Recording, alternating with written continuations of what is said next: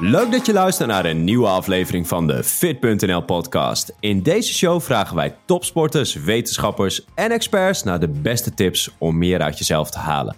Ik ben Jeroen van Fit.nl en samen met mijn collega Erik gaan we in gesprek met Lilian Lechne.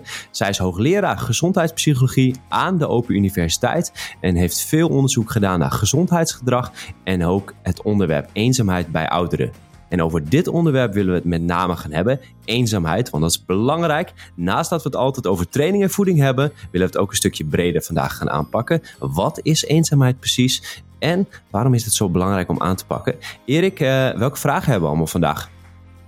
Ja, we gaan het vandaag hebben over natuurlijk uh, wat is eenzaamheid? Uh, hoe erg is het als je last hebt van chronische eenzaamheid?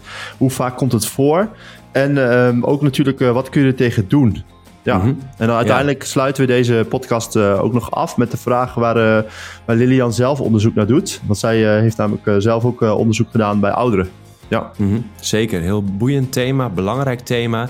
we hebben ook een aantal cijfers, die heb jij nog even op een rijtje gezet. Ja, ja, zeker. Ja, het bleek namelijk uit een onderzoek van uh, eenzaamheid.nl dat uh, 1 miljoen mensen last heeft van ernstige uh, eenzaamheid. En we nemen deze podcast op ten tijde van de COVID, dus de corona-situatie. En die heeft er wel ingehakt, lijkt het erop. Ja, we hebben hier ook nog even onderzoek gedaan bij fit.nl zelf de afgelopen maanden. En ons viel ook op dat met name onder uh, werklozen en studenten dat ze aangaven dat ze toch echt wel meer eenzame gevoelens hebben. Dus uh, belangrijk thema. Even nog een klein stukje promo. Vind je deze podcast waardevol en wil je dat we meer van deze afleveringen maken? Dan zouden we het heel leuk vinden als je de podcast deelt via social media, tagfit NL. En uh, dan krijgen wij dat ook mee en delen we dat weer.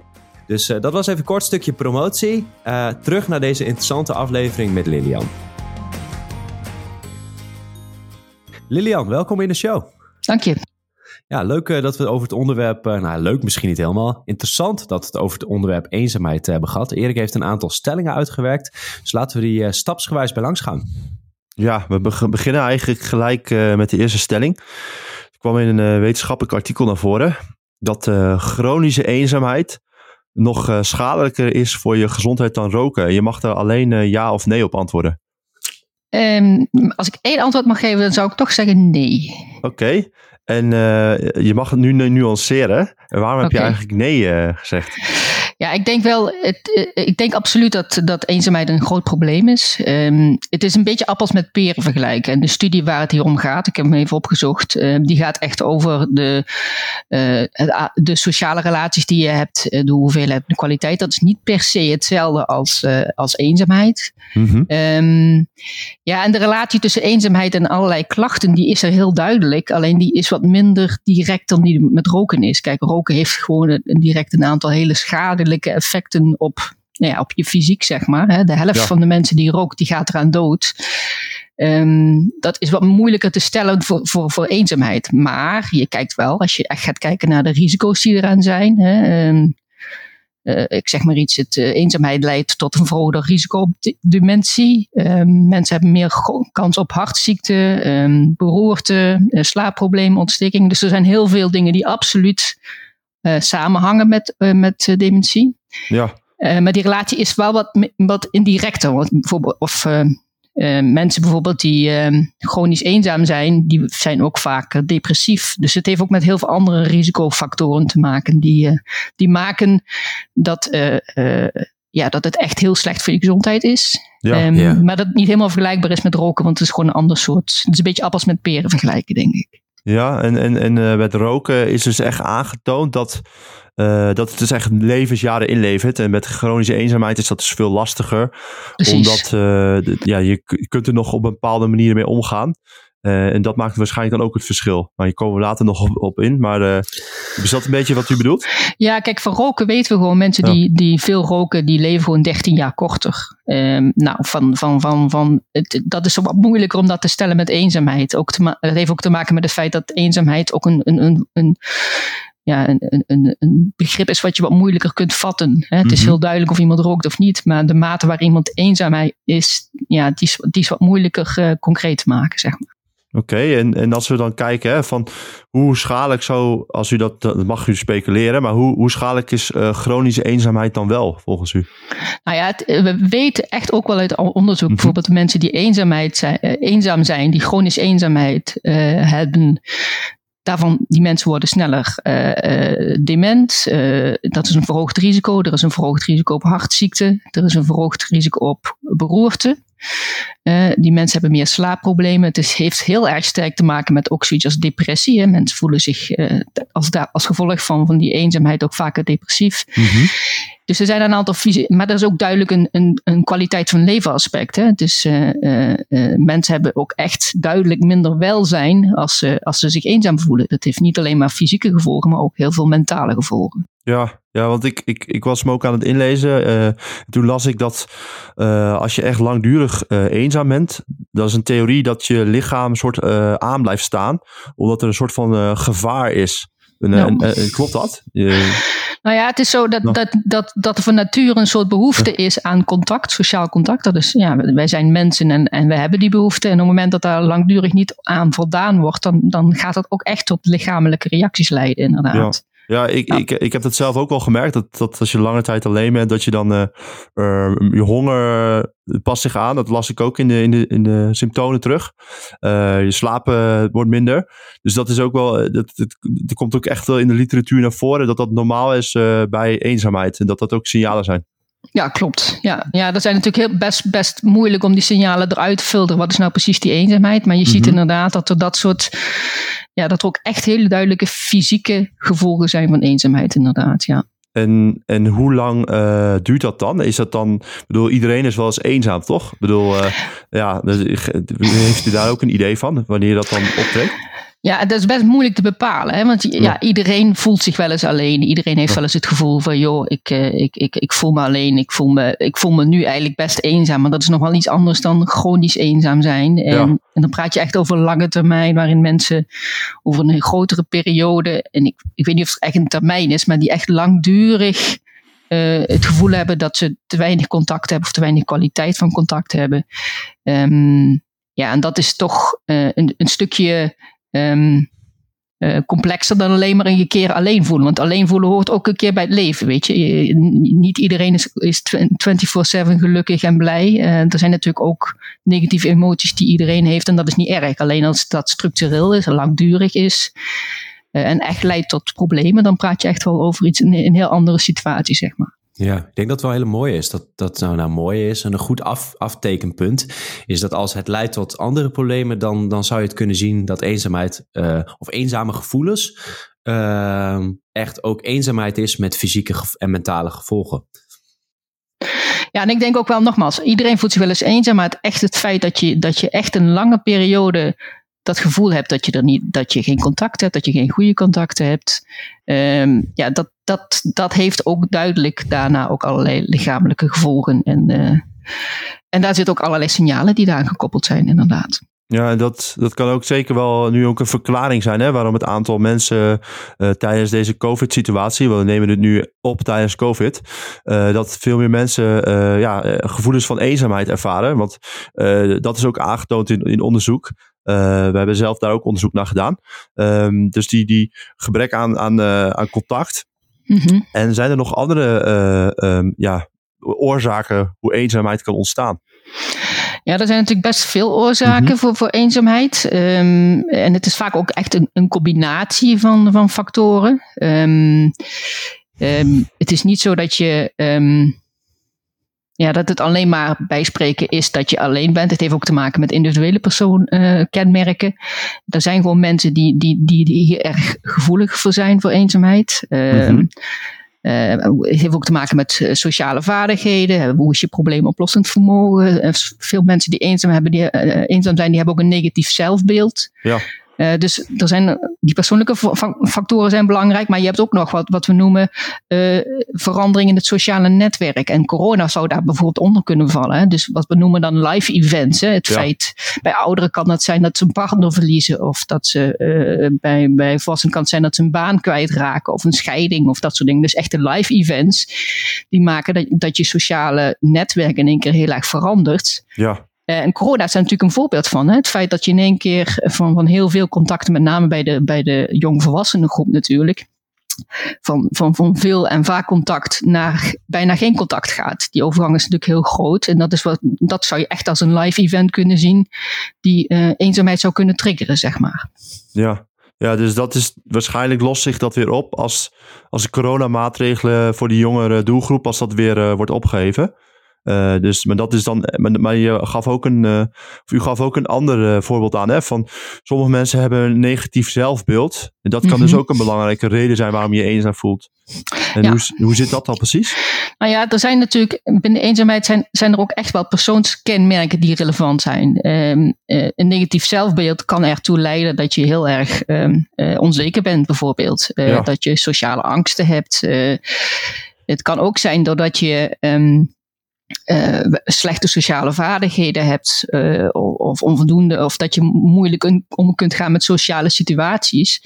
Um, ja, dat maakt dan toch dat het wat moeilijker is om, uh, om, om, die sociale contacten op een goede manier te behouden, zeg maar. Mm -hmm. En dat leidt dan ook weer, kan dan ook weer leiden tot eenzaamheid. Dus het gaat eigenlijk twee kanten op. Aan de ene kant is het lastiger om sociale contacten misschien wel op te doen. Aan de andere kant voel je misschien ook wel niet begrepen.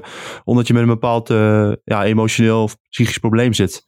Ja, ja. dat is wel een interessante Erik, want daar heb ik nog wel een aanvulling op. Het kan best zijn dat je bijvoorbeeld heel veel sociale connecties hebt. Ja. Uh, heel veel een, een, spin in het web bent. Maar toch wel eenzame gevoelens ervaart. Omdat je misschien niet begrepen voelt. Uh, nou, misschien, misschien ondernemers die nu luisteren en denken van ja tijdens corona, ik, hoe moet ik dit nou gaan overleven? Ja. Terwijl ze wel de sociale connecties hebben. Of iemand bijvoorbeeld met bepaalde problematiek, psychisch, eetproblematiek. Ja. En zich alleen voelt in zijn of haar uh, situatie.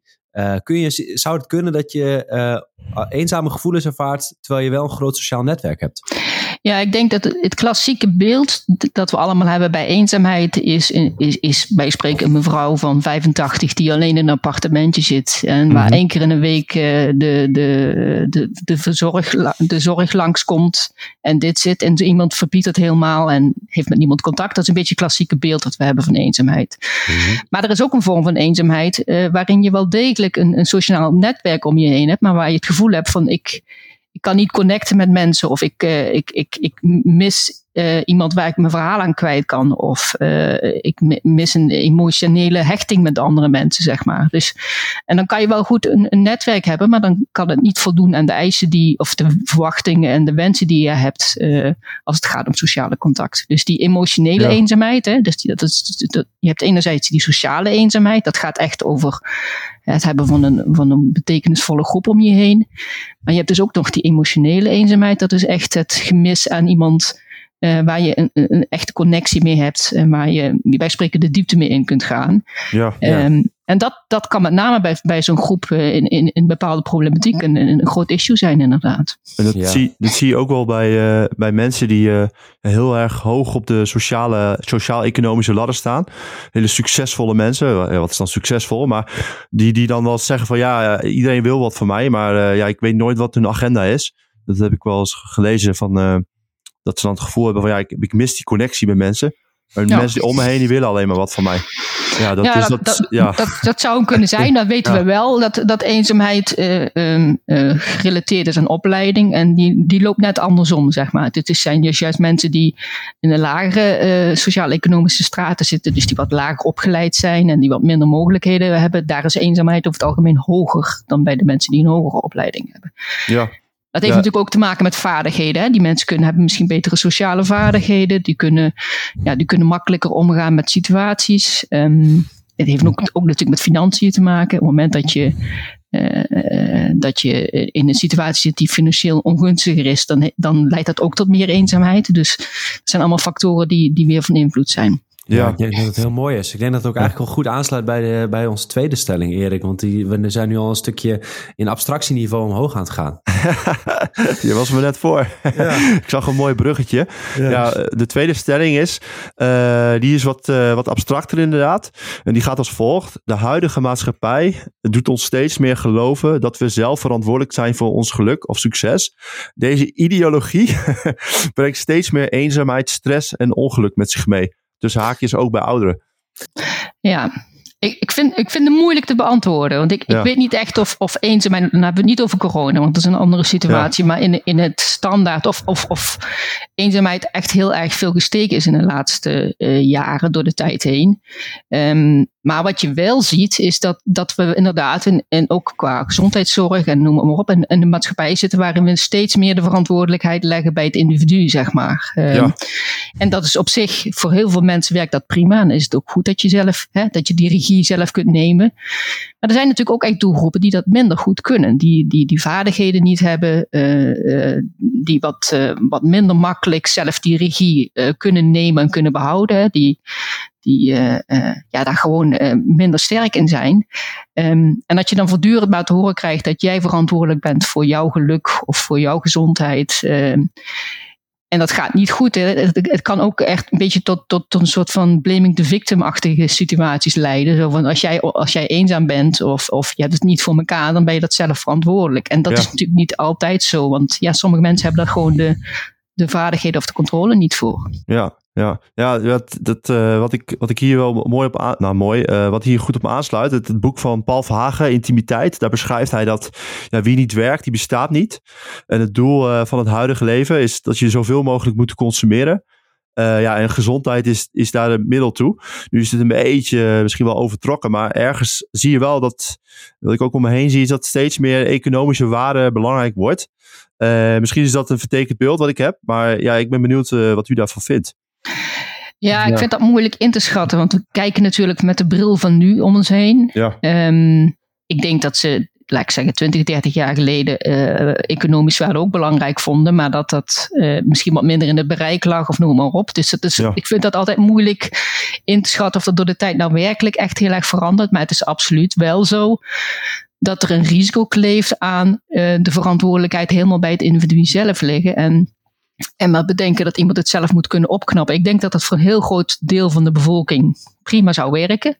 Maar nogmaals, je hebt kwetsbare groepen die gewoon die extra ondersteuning nodig hebben. En uh, ja, waar het dus niet zo is van je kiest er niet voor om eenzaam te zijn, bijvoorbeeld. Hè? Het is niet mm -hmm. zo dat het een keuze is, het is iets wat je overkomt.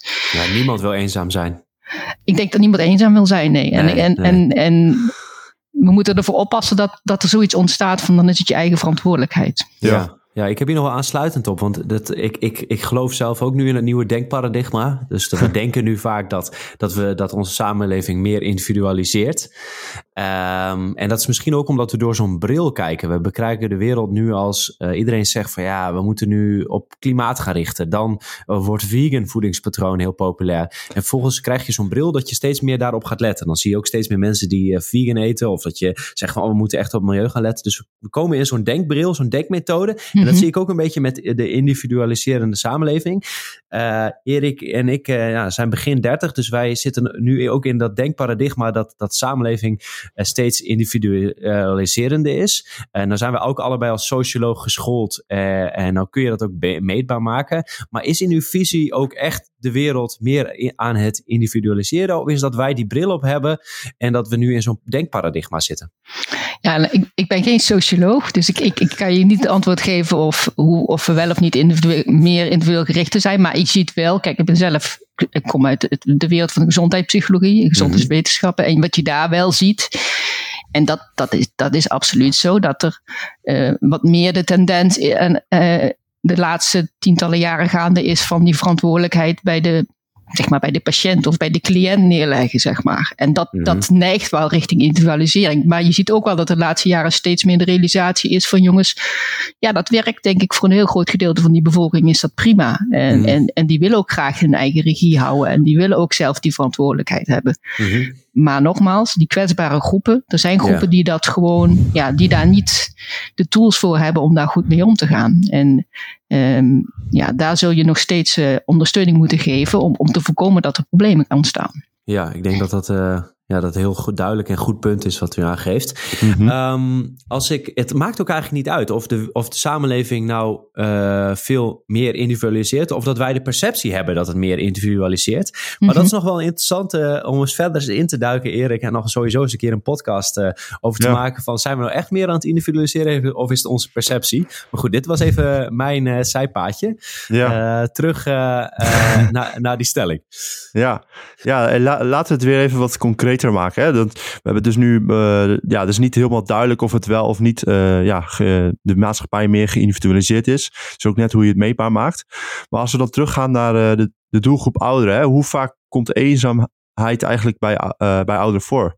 Heb daar ook een idee van? Als je naar de hele populatie kijkt, en naar de hele bevolking, dan zie je dat het uh, gemiddeld zo rond de 40% ligt, volgens mij, eenzaamheid. En dan als je het echt over ernstige eenzaamheid hebt, dan praat je over zo'n zo 8, 9%.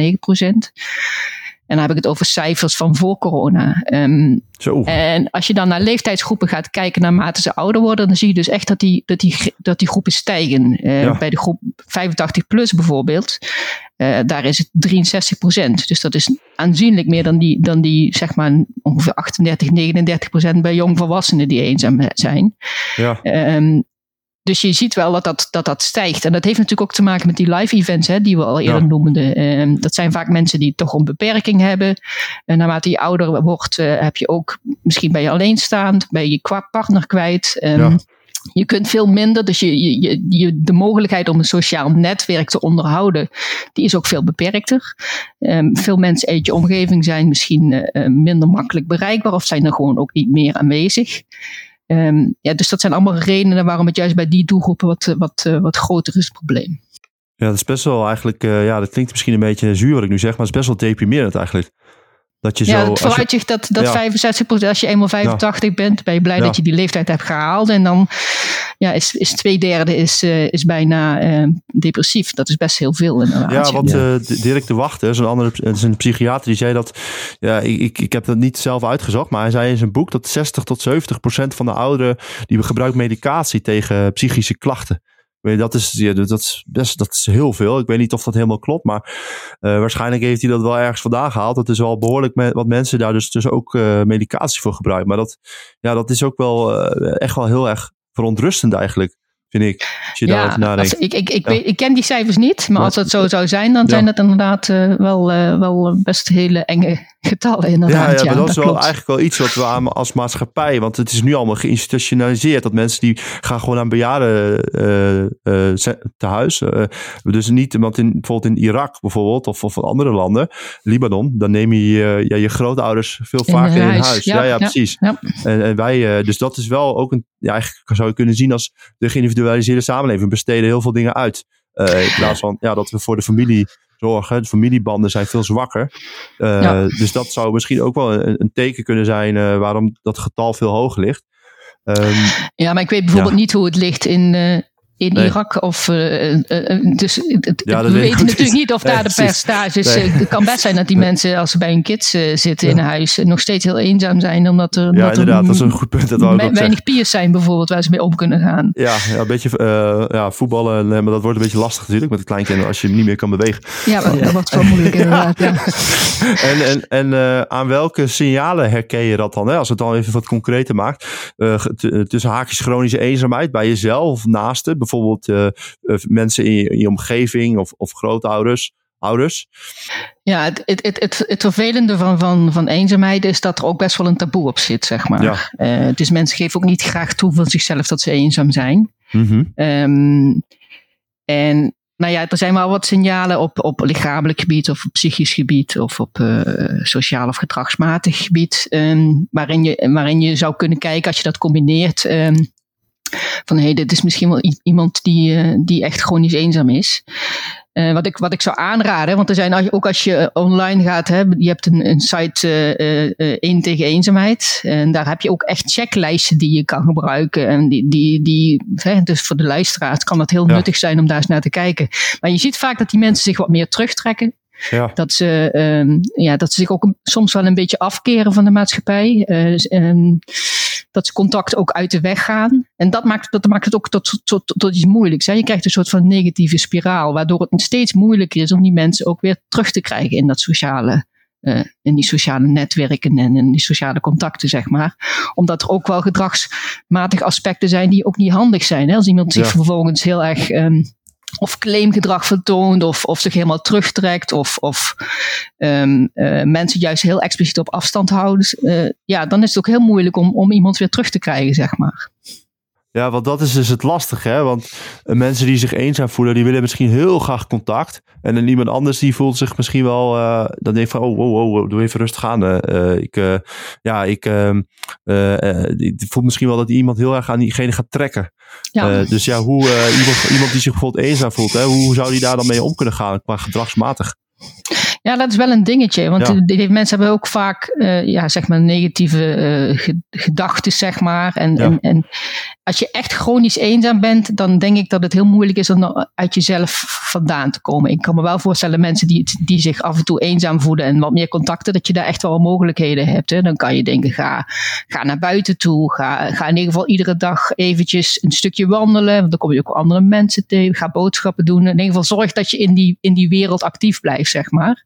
Ja. Um, maar ik denk wel dat die, die mensen die echt heel erg ver in het stadium zitten, dat, dat ga je niet uh, redden met, uh, met een avondje. Um, um, Bingo. Bingo, inderdaad, ja. Dus, dat, dus ja, dat, dus, daar is meer voor nodig. Die mensen moet je ook helpen om ja. op een andere manier hun verwachtingen te uiten. Op een andere manier om te gaan met. Kijk, als, op het moment dat je dan de wereld instapt en je, en je, je doet dat op een hele voor de omgeving vervelende manier.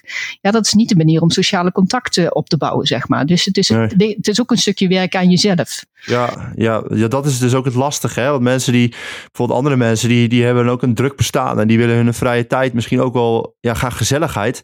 En als je iemand hebt die eenzaam is en vaak uh, heel erg met problemen zit, dat kan mm -hmm. ook weer lastig zijn voor mensen. Dus echt die balans is, is, is, is lastig. Ja. ja. En, en, maar die website, uh, u, had, u gaf een, een website hè, waar, waar mensen dus ook terecht kunnen. Die misschien ja. dit luisteren of ja. Dat is één tegen eenzaamheid. Ja.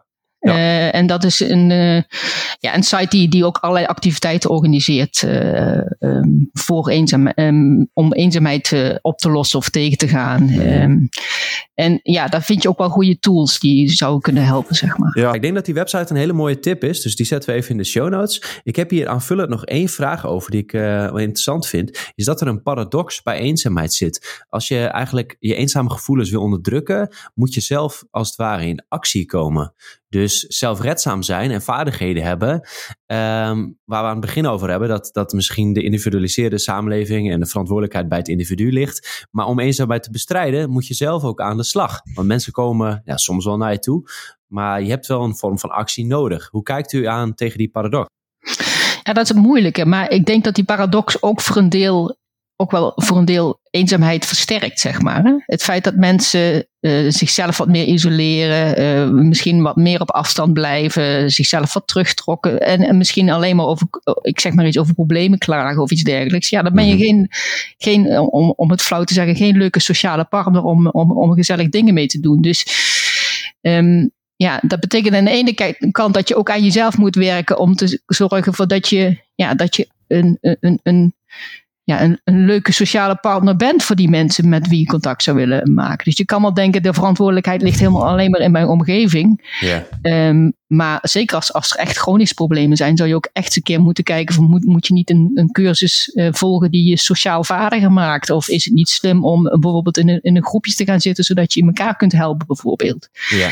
Want dan red je het niet alleen maar met denken van oké, okay, de wereld moet maar naar mij toe komen en dan ben ik ja. eventueel wel bereid om ernaar te kijken, zeg maar. Want, want zo gaat het dus niet werken, denk ik. Ja, en ik zie dat wel een, een goede beschouwing van u. Wat ik wel eens zie is mensen die met meer eenzame gevoelens of meer depressieve gevoelens, die stellen ook minder vragen uh, aan de ander. Uh, dit is iets wat ik uh, observeer of waar ik een idee over heb. Um, zou dat een, een, manier kunnen zijn door meer uh, de ander ook vragen te stellen? Ziet u daar een relatie? Dat dat bijvoorbeeld een vaardigheid zou kunnen zijn? Nou ja, het, het, eenzaamheid hangt veel samen met depressie. En depressie maakt echt toe, maakt, heeft dat gevolg dat je inderdaad wat meer in je eigen wereldje zit. En, en het heel moeilijker is om je wat meer open te stellen. Maar ik denk wel dat dat stappen zijn die heel belangrijk zijn. Om, om, om ja, dat klinkt heel flauw, maar dat heeft ook echt puur, puur, te maken met die sociale vaardigheden. Um, het, is, het zijn belangrijke sociale vaardigheden dat je niet alleen maar kijkt naar wat jij nodig hebt, maar dat je ook kijkt naar wat je partner nodig heeft. En dat mhm. je daar op, een goede manier uh, vanuit twee kanten uh, geeft en neemt. En dat is ook luisteren naar elkaar en dat is ook openstaan voor elkaar. En, en en dat moet niet eenrichtingsverkeer zijn, want dan gaat het meestal niet werken, inderdaad. Ja, nou, ik denk dat dat een goede beschouwing is. Wat, wat ik zelf nog als, als aanvullende tip zou kunnen geven, is dat als mensen gevoel hebben bij zichzelf van, nou, ik merk dat ik eenzame gevoelens heb en ik heb toch wel sociale connecties, maar ik merk dan toch te vaak dat het een negatieve invalshoek krijgt. Die, die, mhm. die, die, die samenspel tussen één, twee of drie personen. Dat je dan in plaats van uh, dat je leuke dingen gaat doen. Waardoor je ook meer die positiviteit stimuleert. Dus door ja. gezamenlijk activiteiten te doen. Stel je voor, Erik, ik uh, zou heel eenzame gevoelens hebben. En die zou ik dan elke keer bij jou neerleggen. Dan zou ik zelf nu als oplossing kunnen gaan doen dat we samen een potje gaan tennissen.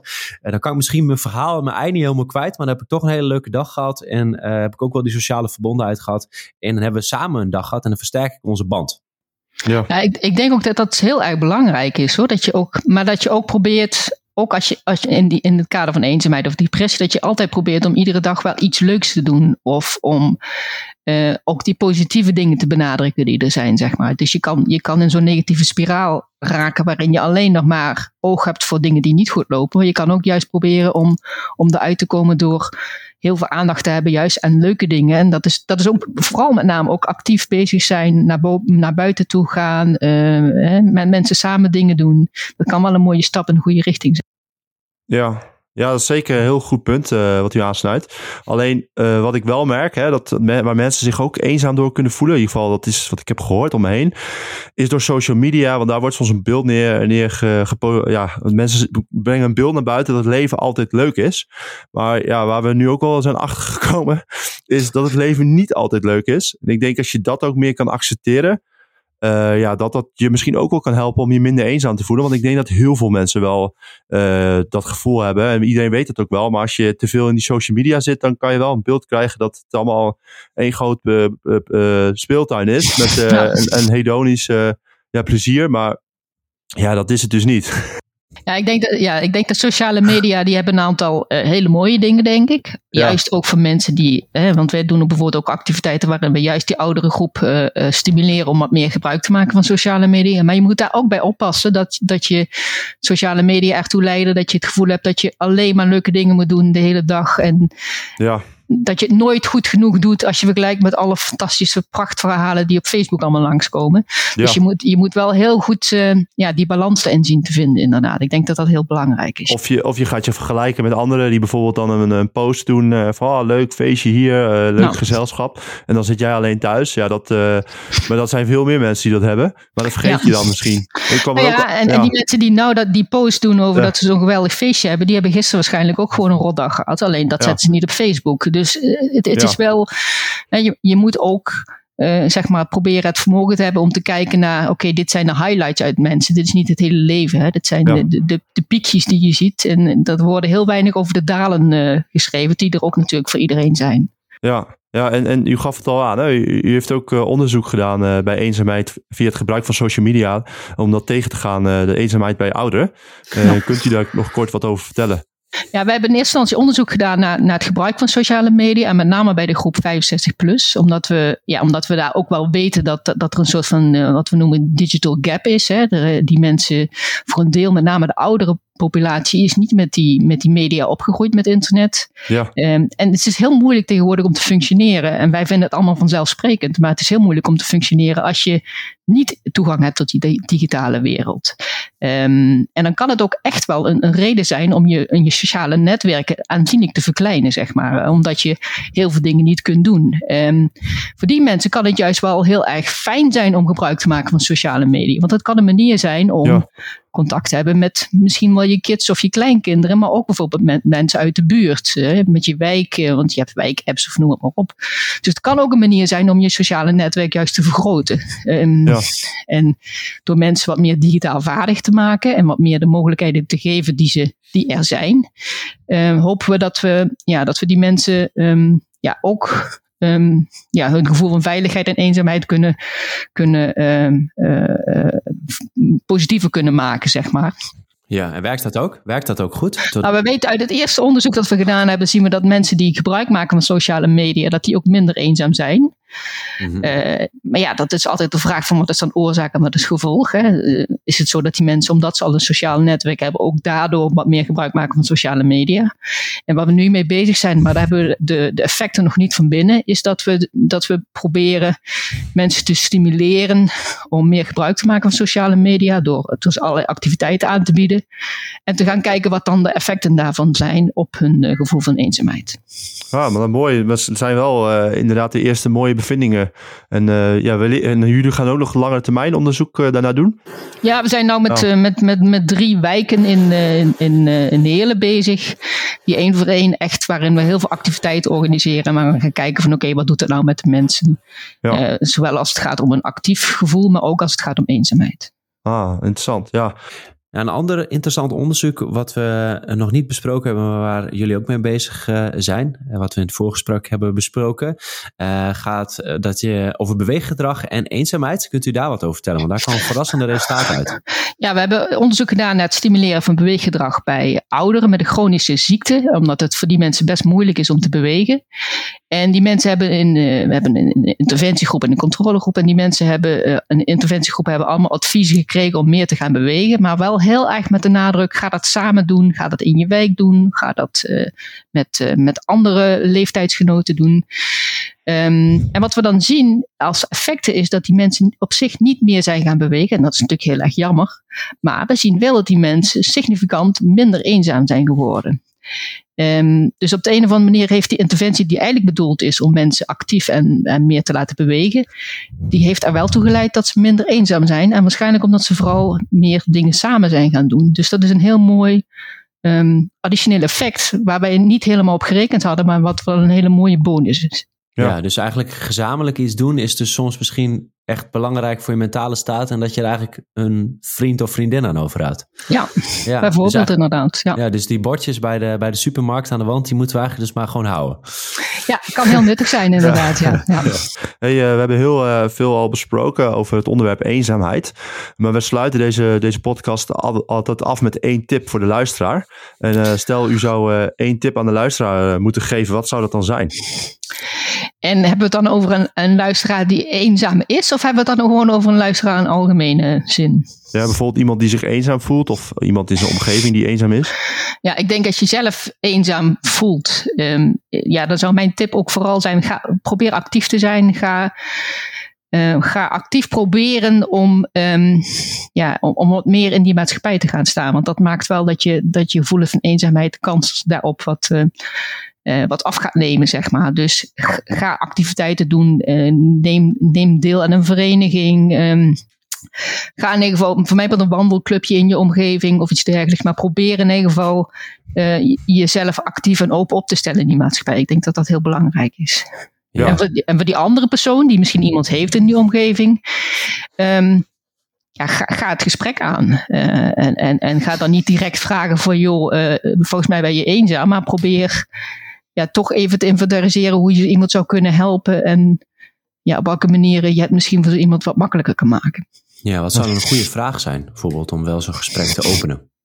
Nou ja, ik, ik noemde al zo die, die checklist van één tegen eenzaamheid. Mhm, dat, dat mhm. kunnen wel onderwerpen zijn die je die in de vraag. Die, hè, je, je, valt bijvoorbeeld iets op dat iemand zich meer terugtrekt. Dan kan je mhm. natuurlijk wel een vraag over stellen. Van joh, ik heb het gevoel dat je wat minder. Ja, precies. Kunnen we daarbij helpen? Of op welke manier zouden we dat beter kunnen maken, bijvoorbeeld? Ja, ja. Ik denk dat dat een. Uh, die zetten we nogmaals een herhaling in de show notes. Ik denk dat dat heel waardevol is voor mensen. Ik geef net weer een, uh, een soort van stappenplan dan. Uh, wat ik altijd wel goed, wat ik wel belangrijk vind, is dat eigenlijk heel veel mensen eigenlijk best wel om een praatje verlegen zijn. Als je op straat loopt en je groet iemand en je stelt je open op. En dat is soms een hele lastige stap om te doen. Maar laatst had ik dat ook in de, in de sportschool. Die is nu net weer open. Ik was met even iemand in gesprek. Ik vroeg hem even om hulp om zoiets. En er ontstaat een heel leuk gesprek. En uh, nou, ik heb een hele leuke ochtend alleen al door dat extra gesprek. Maar soms moet je net even die kleine stap zetten door even hoi te zeggen of iemand uh, te, te knikken naar, ze, naar hem toe of even te vragen, oh, uh, kan ik je helpen? En dat, dat helpt heel erg en ik denk dat dat zorgt voor sociale verbondenheid. Het zijn vaak hele kleine dingetjes. Absoluut, ja. ja, ja. En ik, weet je, bij sommigen kan ook de tip zijn, neem een hond en ga daar eh, vier keer per dag lekker mee Ah, wandelen. heel en, goed. en, en kom buurtgenoten tegen, et cetera, et cetera. Dat zijn allemaal van die dingen die, hè, los van het feit dat zo'n beest ook eh, eh, eh, company en... eh, Ja. Ja. ja, vooral Puppy, dat doet het helemaal goed. ja, ja, ja, ja, dus, ja, zeker nu. Ja, ja, ja, ja. Leuk.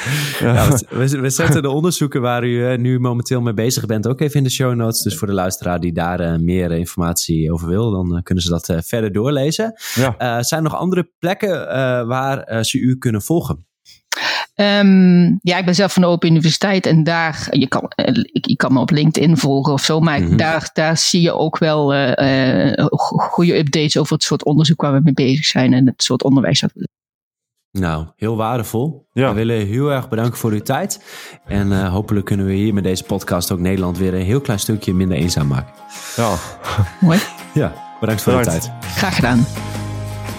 Dit was de podcast over eenzaamheid. Wil je meer informatie? Bekijk dan even de show notes voor de besproken artikelen en boeken. En wil je dat we meer van deze afleveringen maken? Deel dan de podcast via social media en tag FitNL. Dit was hem voor deze keer. Bedankt voor het luisteren en tot bij de volgende aflevering.